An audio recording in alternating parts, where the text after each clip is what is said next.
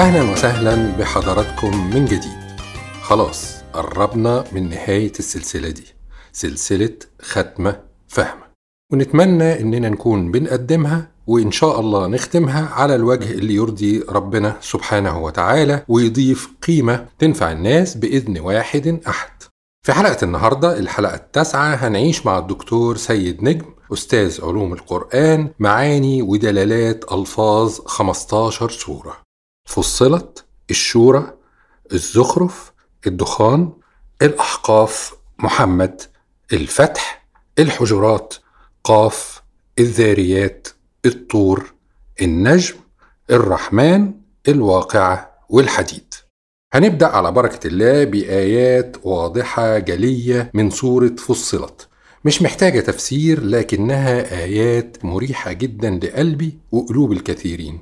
نسمعها وبعدين نبدأ جولتنا. إن الذين قالوا ربنا الله ثم استقاموا تتنزل عليهم الملائكة تتنزل عليهم الملائكة ألا تخافوا ولا تحزنوا. وأبشروا بالجنة التي كنتم توعدون. نحن أولياؤكم في الحياة الدنيا وفي الآخرة ولكم فيها ما تشتهي أنفسكم ولكم فيها ما تدعون.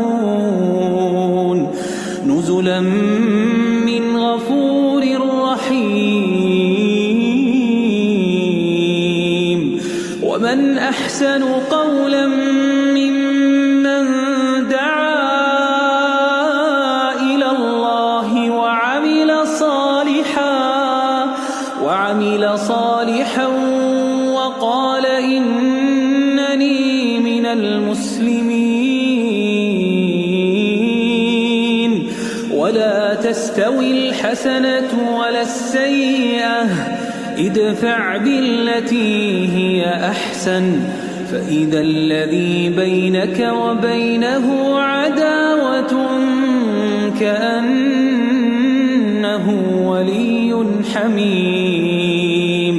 وما يلقاها إلا الذين صبروا وما يلقاها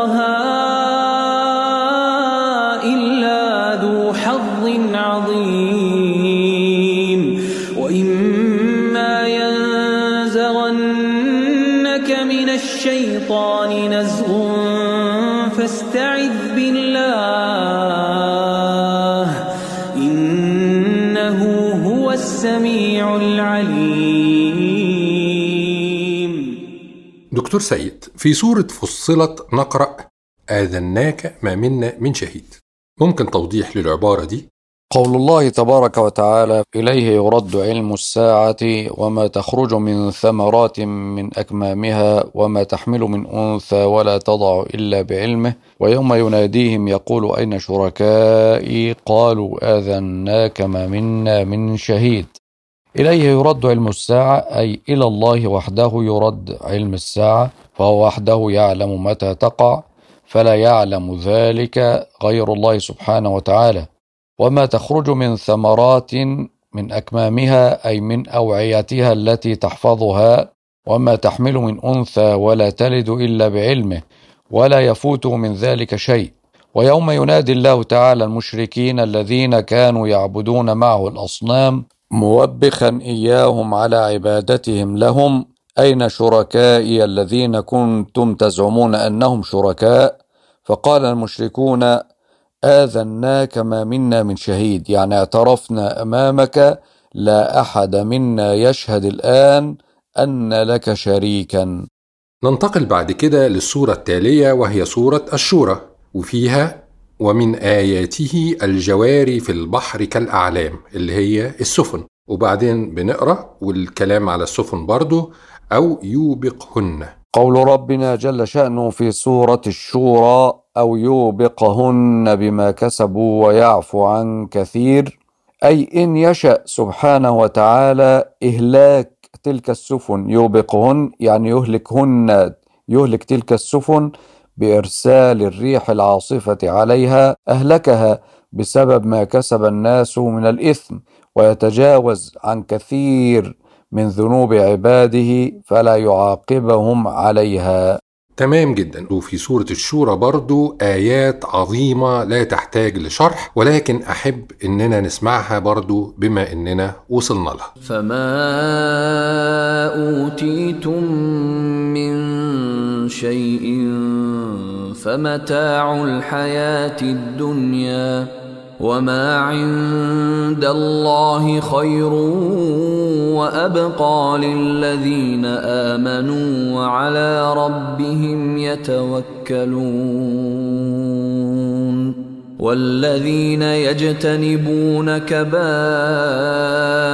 الإثم والفواحش وإذا ما غضبوا هم يغفرون والذين استجابوا لربهم وأقاموا الصلاة وأمرهم شورى بينهم ومما رزقناهم ينفقون. والذين إذا أصابهم البغي هم ينتصرون.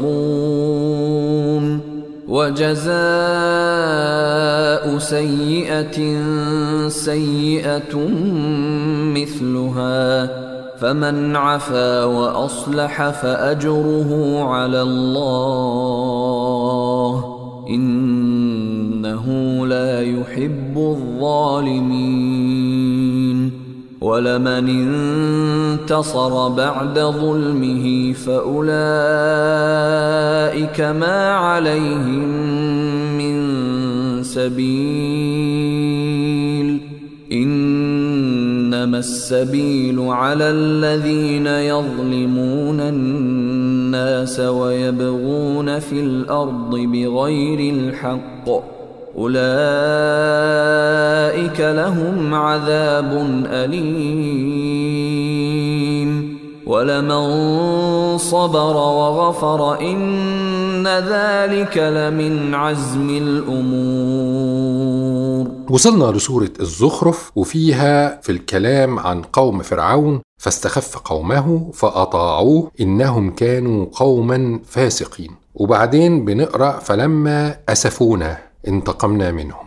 يعني إيه فلما أسفونا؟ قول الله تبارك وتعالى فلما آسفونا انتقمنا منهم فأغرقناهم أجمعين فجعلناهم سلفا ومثلا للآخرين. فلما آسفونا أي أغضبونا بعصياننا وتكذيب موسى وما جاء به من الآيات انتقمنا منهم بعاجل العذاب الذي عجلناه لهم فأغرقناهم أجمعين في البحر. فجعلنا هؤلاء الذين أغرقناهم في البحر سلفا لمن يعمل مثل عملهم ممن يأتي بعدهم في استحقاق العذاب وعبرة وعظة للآخرين. سأقبل يا خالقي من جديد كما أنت مني إلهي تريد. وأرجو إذا أنت تقبلني جنان الخلود ومنك المزيد. عصيتك ربي فأمهلتني بعد سورة الزخرف بتيجي سورة الدخان وفيها نقرأ برضو في قصة سيدنا موسى عليه السلام وفرعون واترك البحر رهوا إنهم جند مغرقون. يعني إيه رهوا؟ اترك البحر رهوا أي اتركه على حالته. وذلك أنه لما سرى موسى ببني إسرائيل كما أمره الله تعالى ثم تبعهم فرعون فأمر الله موسى أن يضرب البحر فضربه. فصار اثني عشر طريقا وصار الماء من بين تلك الطرق كالجبال العظيمة فسلكه موسى وقومه. فلما خرجوا منه أمره الله أن يتركه رهوا أي بحاله ليسلكه فرعون وجنوده إنهم جند مغرقون يعني فلما تكامل قوم موسى خارجين منه وقوم فرعون داخلين فيه أمره الله تعالى أن يلتطم عليهم فغرقوا عن آخرهم. في نفس الصورة بعد نهاية قصة موسى وفرعون ربنا عز وجل بيقول لنا عن قوم تبع. فمن هم قوم تبع؟ قول الله تبارك وتعالى أهم خير أم قوم تبع والذين من قبلهم؟ أهلكناهم إنهم كانوا مجرمين. بعد أن ضرب الله لهم المثل بمهلك قوم فرعون زادهم مثلا آخر هو أقرب إلى اعتبارهم به وهو مهلك قوم أقرب إلى بلادهم من قوم فرعون. أولئك قوم تبع تبع الحميري من اليمن. فإن العرب يتسامعون بعظمة ملك تبع وقومه وأهل اليمن. وكثير من العرب شاهدوا آثار قوتهم وعظمتهم في مراحل أسفارهم وتحادثوا بما أصابهم من الهلاك بسيل العرم. ومعنى الآية أقريش أشد وأقوى أم قوم تبع والذين من قبلهم من الكفار وقد أهلكنا قوم تبع وغيرهم لما كفروا فكذلك نهلك هؤلاء فمقصود الكلام هو التهديد والإنذار بعد سورة الدخان بنقرأ سورة الجاثية والحقيقة كل كلماتها معتادة ولا تحتاج لتوضيح فهننتقل بعدها لسورة الأحقاف يعني إيه الأحقاف اللي اتسمت باسمها السورة؟ قول الله تبارك وتعالى واذكر أخا عاد إذ أنذر قومه بالأحقاف وقد خلت النذر من بين يديه ومن خلفه ألا تعبدوا إلا الله إني أخاف عليكم عذاب يوم عظيم. اذكر يعني اذكر أيها الرسول نبي الله هودا أخا عاد في النسب لا في الدين حين أنذر قومه أن يحل بهم عقاب الله سبحانه وتعالى وهم في منازلهم المعروفة بالأحقاف. والأحقاف هي الرمال الكثيرة جنوب الجزيرة العربية وقيل في اليمن. وقد مضت الرسل بإنذار قومها قبل هود وبعده بألا تشركوا مع الله شيئا في عبادتكم له. إني أخاف عليكم عذاب الله في يوم يعظم هوله وهو يوم القيامة. جزا الله حضرتك كل خير. عموما باقي ألفاظ سورة الأحقاف واضحة ومعتادة. نيجي بعدها لسورة محمد وفيها بنقابل كلمة أضغانهم. قول الله تبارك وتعالى أم حسب الذين في قلوبهم مرض أن لن يخرج الله أضغانهم؟ يعني هل يظن الذين في قلوبهم شك من المنافقين أن لن يخرج الله أحقادهم ويظهرها؟ بأنهم كانوا يحقدون على الإسلام وأهله بلى لا يخرجنها بالابتلاء بالمحن ليميز صادق الإيمان من الكاذب ويتضح المؤمن ويفتضح المنافق. ولذلك قال بعدها ولو نشاء لأريناكهم فلعرفتهم بسيماهم ولتعرفنهم في لحن القول يعني لو نشاء أي تعريفك أيها الرسول المنافقين لعرفناكهم فلعرفتهم بعلامتهم وسوف تعرفهم بأسلوب كلامهم. والله يعلم أعمالكم وسيجازيكم عليها. كلمة أضغان بتتكرر مرة تانية في نفس السورة سورة محمد. وإن تؤمنوا وتتقوا يؤتكم أجوركم ولا يسألكم أموالكم. إن يسألكموها فيحفكم تبخلوا ويخرج أضغانكم. يعني إيه يحفكم؟ قول الله تبارك وتعالى إن يسألكموها فيحفكم تبخلوا ويخرج أضغانكم. يعني إن يطلب ربنا تبارك وتعالى منكم جميع أموالكم. فيحفكم يعني فيلح عليكم في طلبها منكم. ساعتها تبخلوا بها ويخرج ما في قلوبكم من كراهية الإنفاق في سبيله. فترك طلبها منكم رفقا بكم.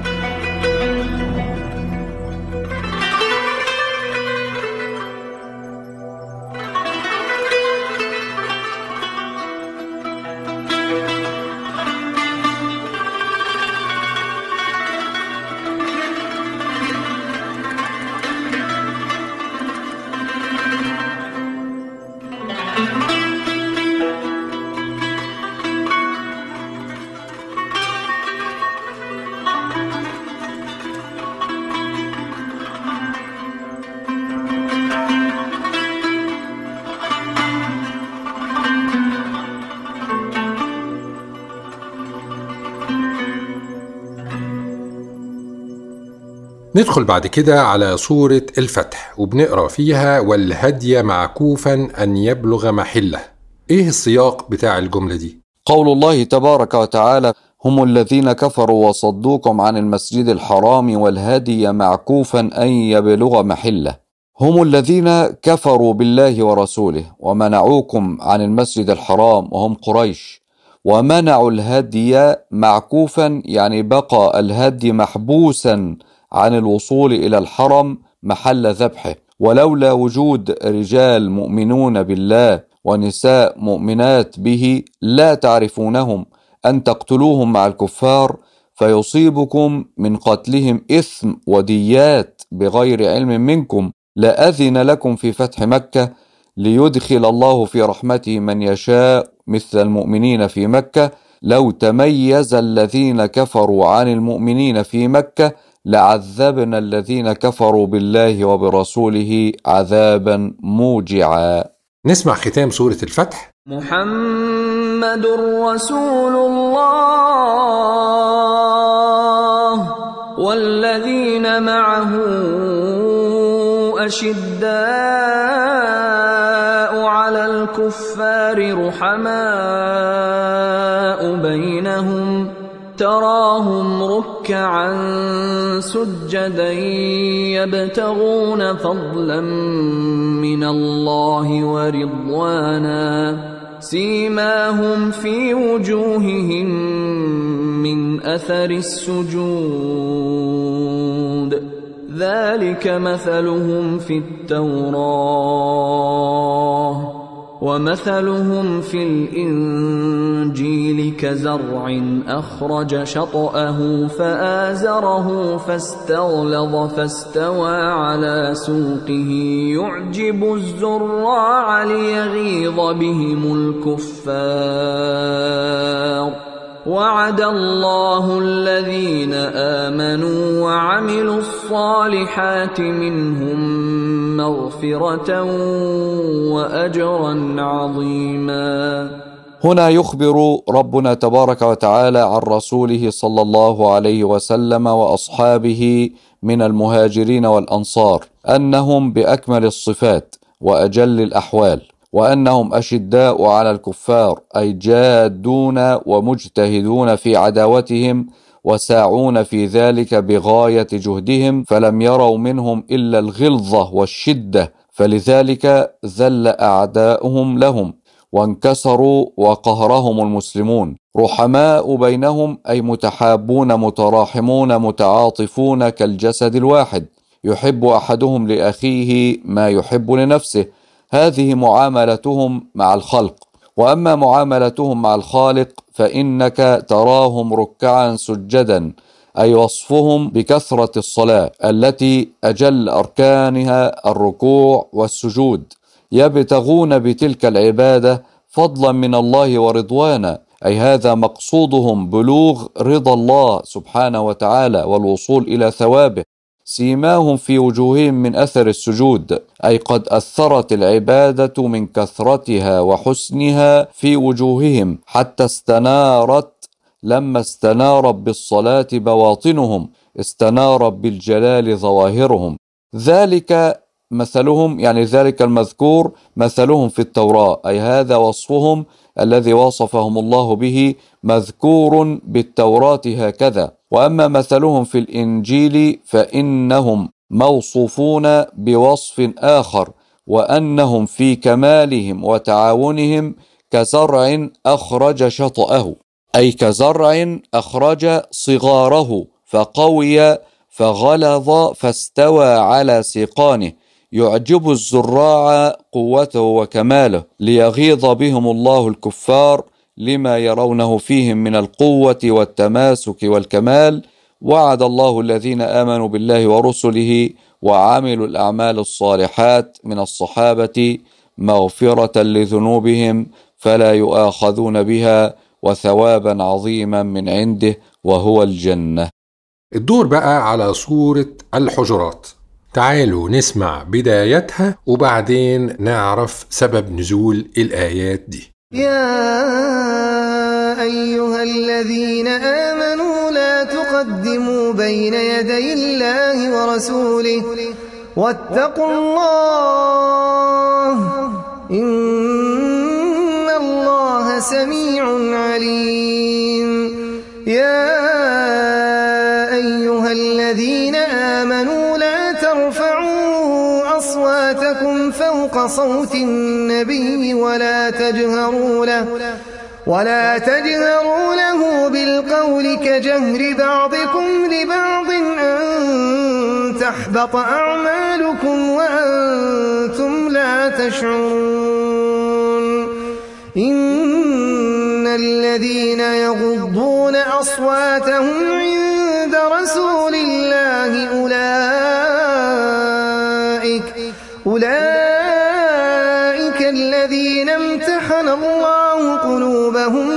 للتقوى لهم مغفرة وأجر عظيم. إن الذين ينادونك من وراء الحجرات أكثرهم لا يعقلون. ولو أنهم صبروا حتى تخرج إليهم لكان خيرا لهم. والله غفور رحيم. يا أيها الذين آمنوا إن جاءكم فاسق بنبأ إن جاءكم فاسق بنبأ فتبينوا تصيبوا قوما أن تصيبوا قوما بجهالة فتصبحوا على ما فعلتم نادمين. هذه سورة الحجرات سميت بذلك لذكر حجرات بيت النبي صلى الله عليه وسلم فيها في قصة نداء بني تميم رسول الله صلى الله عليه وسلم من وراء حجراته. ومن مقاصد السورة تربية المؤمنين وتوجيههم إلى تعظيم أمر الله وأمر رسوله عليه الصلاة والسلام وتطهير المجتمع المسلم من الأخلاق القبيحة التي تفضي إلى القطيعة والتباغض كالسخرية والتنابز بالألقاب والظن السيء والتجسس والغيبة وأمور أخرى. معنى الآية يا أيها الذين آمنوا بالله ورسوله لا تقضوا أمرا دون أمر الله ورسوله. يعني لا تقدموا على أمر الله ورسوله شيئا. فلا تقضوا أمرا دون أمر الله ورسوله من شرائع دينكم فتبتدعوا. وخافوا الله في قلوبكم وفعلكم أن يخالف أمر الله ورسوله. إن الله سميع لأقوالكم عليم بنياتكم وأفعالكم. وفي هذه الآية تحذير للمؤمنين أن يبتدعوا في الدين أو يشرعوا ما لم يأذن به الله. إحنا عارفين طبعا إن حجرات بيت أو بيوت الرسول عليه الصلاة والسلام لصيقة بالمسجد. فالجماعة دول بني تميم جم المسجد وقعدوا يندهوا على الرسول. يا محمد يا محمد. في وقت هو كان بيستريح فيه وما استنوهوش لما يطلع لهم. فنزلت الآيات دي لتوجيههم ولتوجيه باقي المؤمنين والصورة زي ما حضرتك تفضلت حافلة بالتربية الإلهية العظيمة للأمة زي ما هنسمع دلوقتي. وإن طائفتان من المؤمنين اقتتلوا فأصلحوا بينهما. فإن بغت إحداهما على الأخرى فقاتلوا التي تبغي حتى تفيء إلى أمر الله. فقاتلوا التي تبغي حتى تفيء إلى أمر الله. فإن فأصلحوا بينهما بالعدل وأقسطوا إن الله يحب المقسطين إنما المؤمنون إخوة فأصلحوا بين أخويكم واتقوا الله لعلكم ترحمون يا يسخر قوم من قوم. لا يسخر قوم من قوم عسى أن يكونوا خيرا منهم ولا نساء من نساء عسى أن يكن خيرا منهم. ولا تلمزوا أنفسكم ولا تنابزوا بالألقاب. بئس الاسم الفسوق بعد الإيمان. ومن لم يتب فأولئك هم الظالمون.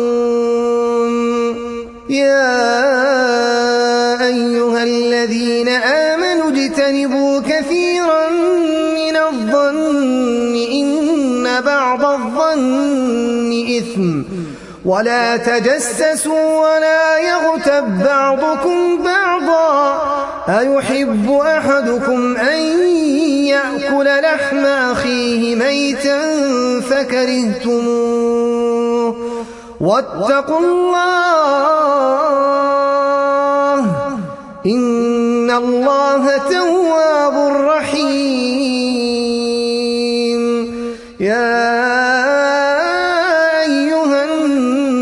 الناس إنا خلقناكم من ذكر وأنثى وجعلناكم شعوبا وقبائل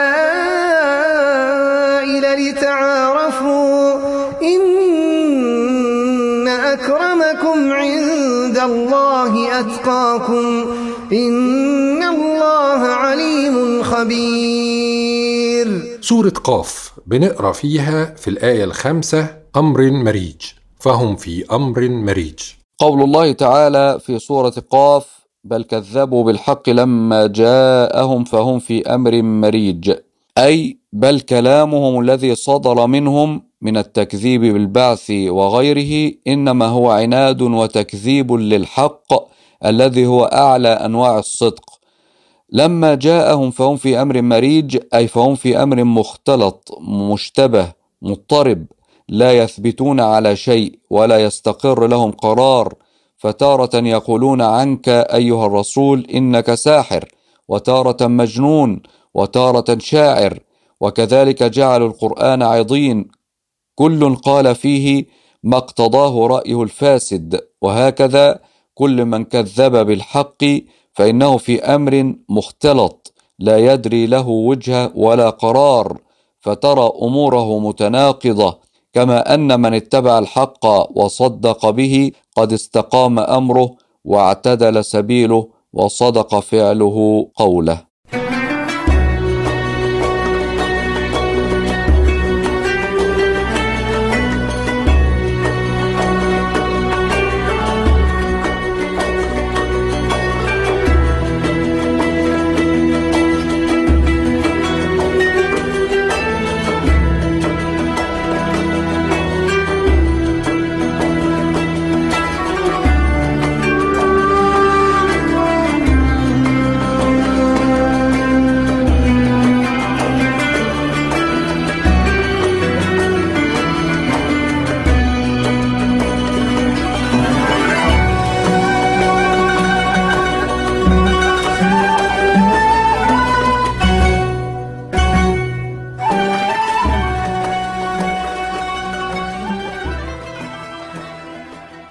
في يوم الوعيد اللي هو يوم القيامة يقول الله سبحانه وتعالى وجاءت كل نفس معها سائق وشهيد.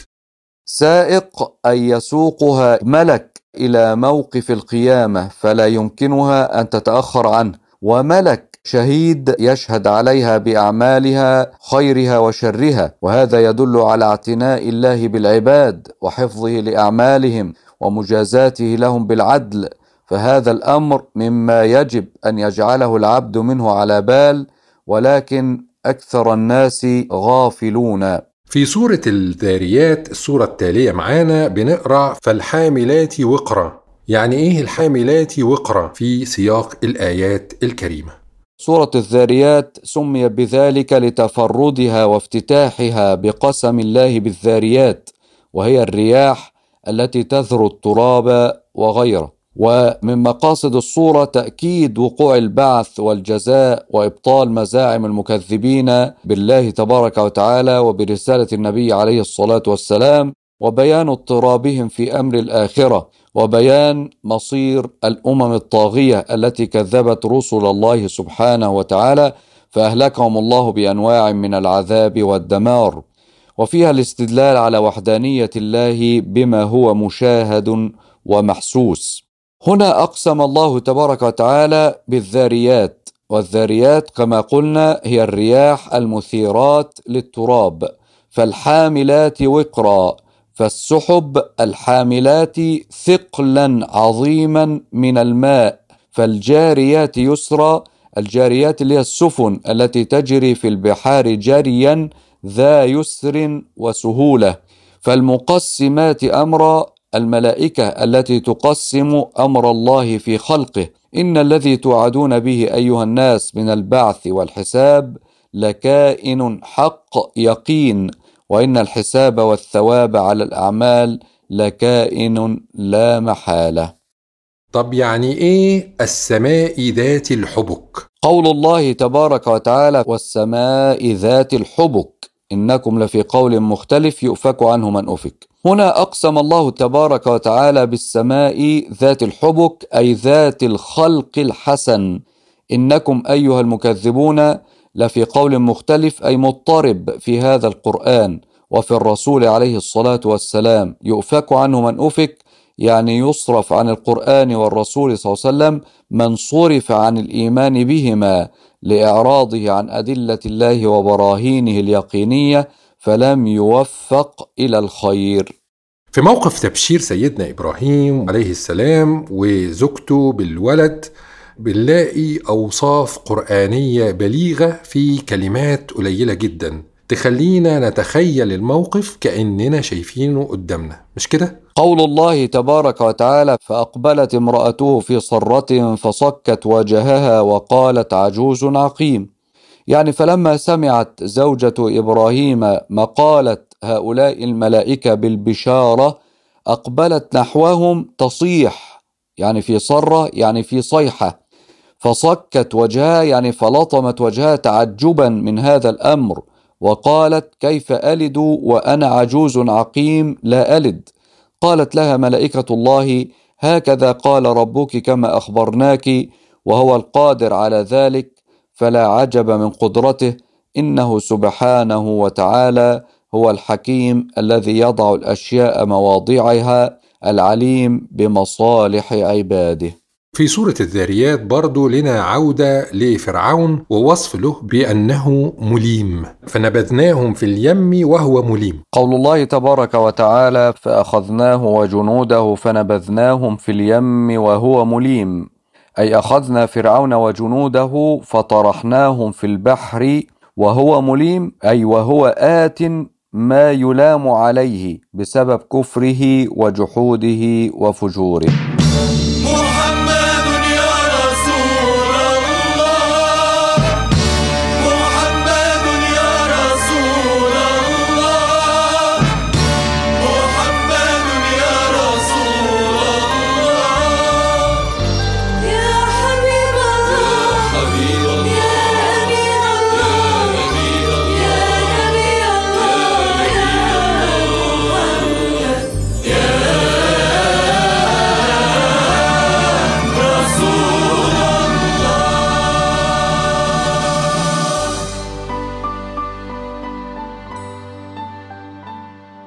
سورة الطور بتبدأ بالقسم بجبل الطور والطور وكتاب مسطور في رق منشور والبيت المعمور والسقف المرفوع والبحر المسجور إن عذاب ربك لواقع. ما له من دافع. يوم تمور السماء مورا وتسير الجبال سيرا فويل يومئذ للمكذبين. إيه هو الرق المنشور؟ ويعني إيه البحر المسجور وكيف تمور السماء؟ قول الله تبارك وتعالى في بدايات سورة الطور في رق منشور.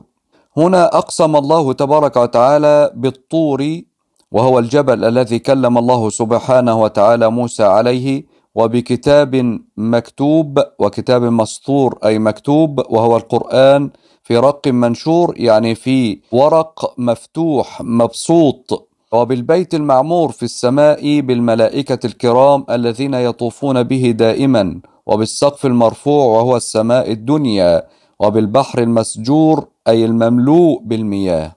يوم تمور أي تتحرك السماء فيختل نظامها وتضطرب أجزاؤها وذلك عند نهاية الحياة الدنيا. وتسير الجبال سيرا يعني تزول الجبال عن أماكنها وتسير كسير السحاب. بالنسبة لبدايات سورة النجم أحب إن حضرتك تتكرم بشرحها لنا الأول وبعدها نسمع الآيات وإحنا مستوعبين أكتر. قول الله تبارك وتعالى ذو مرة فاستوى هذا حديث عن أمين الوحي جبريل عليه السلام. علمه شديد القوى أي علم محمدا صلى الله عليه وسلم ملك شديد القوة. ذو مرة فاستوى يعني ذو منظر حسن وهو جبريل عليه السلام الذي ظهر واستوى على صورته الحقيقية للرسول عليه الصلاة والسلام في الأفق الأعلى وهو أفق الشمس عند مطلعها. ثم دنا جبريل من الرسول صلى الله عليه وسلم فزاد في القرب فكان دنوه مقدار قوسين أو أقرب من ذلك. فأوحى الله سبحانه وتعالى إلى عبده محمد صلى الله عليه وسلم ما أوحى بواسطة جبريل عليه السلام ما كذب قلب محمد صلى الله عليه وسلم ما رآه بصره. قول الله تبارك وتعالى عند سدرة المنتهى. نرجع إلى الآيات التي قبلها. أفتمارونه على ما يرى ولقد رآه نزلة أخرى عند سدرة المنتهى عندها جنة المأوى. أي أتكذبون محمدا صلى الله عليه وسلم فتجادلونه على ما يراه ويشاهده من آيات ربه؟ ولقد رآه نزلة أخرى أي رأى محمد صلى الله عليه وسلم جبريل عليه السلام على صورته الحقيقية التي خلقه الله عليها مرة أخرى عند سدرة المنتهى وهي شجرة نبق وهي في السماء السابعة ينتهي إليها ما يعرج به من الأرض وينتهي إليها ما يهبط به من فوقها عندها جنة المأوى التي وعد بها المتقون إذ يغشى السدرة من أمر الله شيء عظيم لا يعلم وصفه إلا الله عز وجل. وكان النبي صلى الله عليه وسلم على صفة عظيمة من الثبات والطاعة فما مال بصره يمينا ولا شمالا ولا جاوز ما أمر برؤيته. لقد رأى محمد صلى الله عليه وسلم ليلة المعراج من آيات ربه الكبرى. الدالة على قدرة الله وعظمته من الجنة والنار وغير ذلك. عظيم جدا. نسمع بقى الآيات بفهم أحسن واستيعاب أكبر. والنجم إذا هوى ما ضل صاحبكم وما غوى وما ينطق عن الهوى إن هو إلا وحي يوحى. علمه شديد القوى. ذو مرة فاستوى. وهو بالأفق الأعلى. ثم دنا فتدلى. فكان قاب قوسين أو أدنى. فأوحى إلى عبده ما أوحى ما كذب الفؤاد ما رأى أفتمارونه على ما يرى؟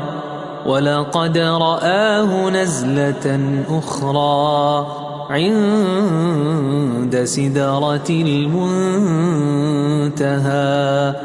عندها جنة المأوى إذ يغشى السدرة ما يغشى. ما زاغ البصر وما طغى. لقد رأى من آيات ربه الكبرى. بتكمل معانا سورة النجم وبتقابلنا كلمة ضيظة بالنسبة لنا طبعا كلمة غريبة. في سورة النجم. تلك إذا قسمة ضيزى. نرجع إلى الآيات التي قبلها. أفرأيتم اللات والعزى ومناة الثالثة الأخرى؟ ألكم الذكر وله الأنثى. تلك إذا قسمة ضيزى. أفرأيتم اللات والعزى؟ أي أخبروني عن أصنامكم التي اشتققتم لها أسماء من أسماء الله ونسبتموها إليه. ومناة الثالثة الأخرى؟ جعلتموها بنات لله. افتراء على الله وكذبا عليه. ألكم الذكر وله الأنثى؟ أي أتزعمون أن لكم الذكر الذي ترضونه لأنفسكم ولله الأنثى التي لا ترضونها لأنفسكم؟ تلك إذا قسمة ضيزى. أي قسمتكم هذه إذا قسمة جائرة غير عادلة ناقصة غير تامة. إن هي إلا أسماء سميتموها أي ملات والعزى ومنات الثالثة الأخرى إلا أسماء لا حقيقة لها سميتموها أنتم وآباؤكم ما أنزل الله بها من وحي يأذن في عبادتها أفرأيت الذي تولى وأعطى قليلا وأكدى يعني إيه أكدى؟ يعني أفرأيت أيها الرسول الذي أعرض عن طاعة الله وأعطى قليلا من ماله ثم توقف عن العطاء وقطع معروفه فإن سمحت نفسه ببعض الشيء القليل فإنه لا يستمر عليه بل يبخل ويكدي ويمنع. فإن المعروف ليس سجية له وطبيعة بل طبعه التولي عن الطاعات وعدم الثبوت على فعل المعروف ومع هذا فهو يزكي نفسه وينزلها غير منزلتها التي أنزله الله بها. ربنا عز وجل بيقول عن نفسه وأنه هو أغنى وأقنى. ما معنى أقنى؟ أي أنه سبحانه وتعالى أغنى من شاء من عباده بتمليكه المال وأقنى أعطى من المال ما يتخذه الناس قنية يقتنونه. وأخيرا في نهاية سورة النجم نقرأ لفظ سامدون. قول الله تبارك وتعالى وأنتم سامدون. نرجع إلى الآيات التي قبلها. أفمن هذا الحديث تعجبون وتضحكون ولا تبكون وأنتم سامدون؟ أي غافلون عن هذا الحديث. لاهون عن تدبر القرآن. وهذا من قلة عقولكم وأديانكم. فلو عبدتم الله وطلبتم رضاه في جميع الأحوال لما كنتم بهذه المثابة التي يأنف منها أولو الألباب. إذا معنى سامدون أي غافلون لاهون.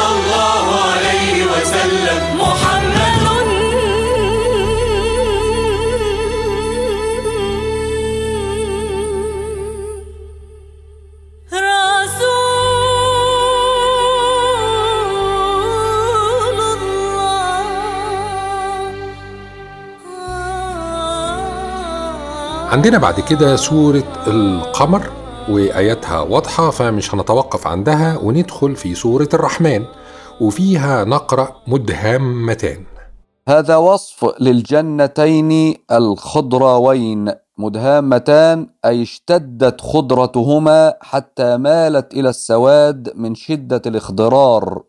طب يعني إيه نضاختان؟ قول الله تعالى فيهما عينان نضاختان. أي في هاتين الجنتين عينان نضاختان أي شديدة الفوران بالماء لا ينقطع فوران مائهما. وفيها برضو في الجنة رفرف خضر وعبقري حسان.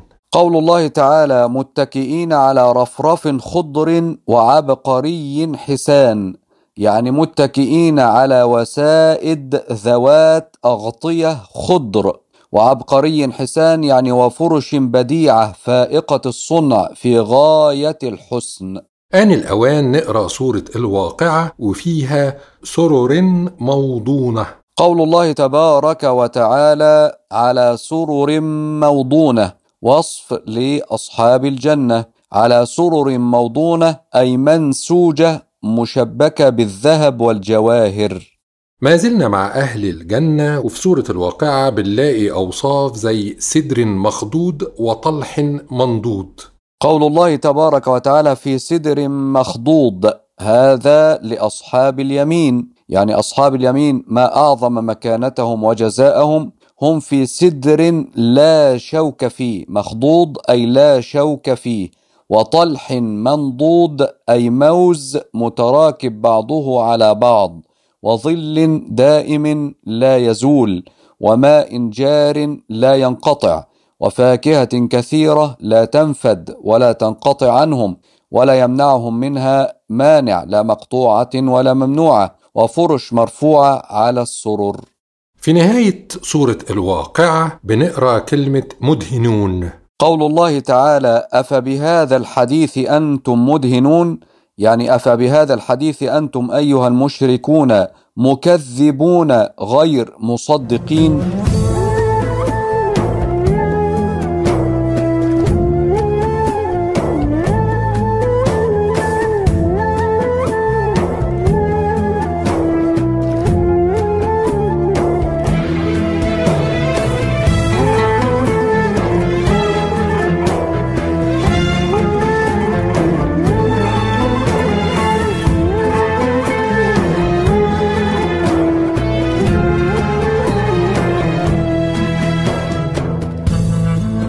آخر سورة معانا هي سورة الحديد وفيها آية محتاجين شرح من حضرتك لها. يوم ترى المؤمنين والمؤمنات يسعى نورهم بين أيديهم وبأيمانهم بشراكم اليوم. بشراكم اليوم جنات تجري من تحتها الأنهار خالدين فيها. ذلك هو الفوز العظيم. يوم يقول المنافقون والمنافقات للذين آمنوا انظرونا نقتبس من نوركم قيل ارجعوا وراءكم فالتمسوا نورا فاضرب بينهم بسور له باب باطنه فيه الرحمة وظاهره من قبله العذاب. هذا حديث عن المنافقين. يوم يقول المنافقون والمنافقات للذين آمنوا انظرونا نقتبس من نوركم. قيل ارجعوا وراءكم فالتمسوا نورا فضرب بينهم بسور له باب. باطنه فيه الرحمة وظاهره من قبله العذاب. يعني يوم يقول المنافقون والمنافقات للذين آمنوا وهم على الصراط انتظرونا نستضيء من نوركم. فتقول لهم الملائكة على وجه السخرية منهم ارجعوا وراءكم فاطلبوا نورا. فضرب بينهم بسور يعني ففصل بينهم بسور له باب باطنه مما يلي المؤمنين فيه الرحمة وظاهره مما يلي المنافقين من جهته العذاب والعياذ بالله. إن شاء الله يا دكتور سيد العمل الجليل الذي تقوم به في هذه الحلقات يظل إلى ما شاء الله صدقة جارية من علم ينتفع به في ميزان حسناتك. وشاهدا على رسالتك السامية في مساعدة أكبر عدد من الناس على فهم واستيعاب كلمات المولى عز وجل. سورة الحديد دي في ناس كتير مش منتبهين للقيمة العظيمة للمفاهيم والتوجيهات الإلهية الواردة فيها. تعالوا نسمع جانب منها بأذان صاغية وقلوب مفتوحة وعقول واعية. ألم يأن للذين آمنوا أن تخشع قلوبهم لذكر الله لذكر الله وما نزل من الحق ولا يكونوا ولا يكونوا كالذين أوتوا الكتاب من قبل فطال عليهم الأمد فقست قلوبهم وكثير منهم فاسقون. اعلموا أن الله يحيي الأرض بعد موتها قد بينا لكم الآيات لعلكم تعقلون. إن المصدقين والمصدقات وأقرضوا الله قرضا حسنا يضاعف لهم يضاعف لهم ولهم أجر كريم. والذين آمنوا بالله ورسله أولئك هم الصديقون. والشهداء عند ربهم لهم أجرهم ونورهم والذين كفروا وكذبوا بآياتنا أولئك أصحاب الجحيم. اعلموا أنما الحياة الدنيا لعب ولهو وزينة وزينة وتفاخر بينكم وتكاثر وتكاثر في الأموال والأولاد.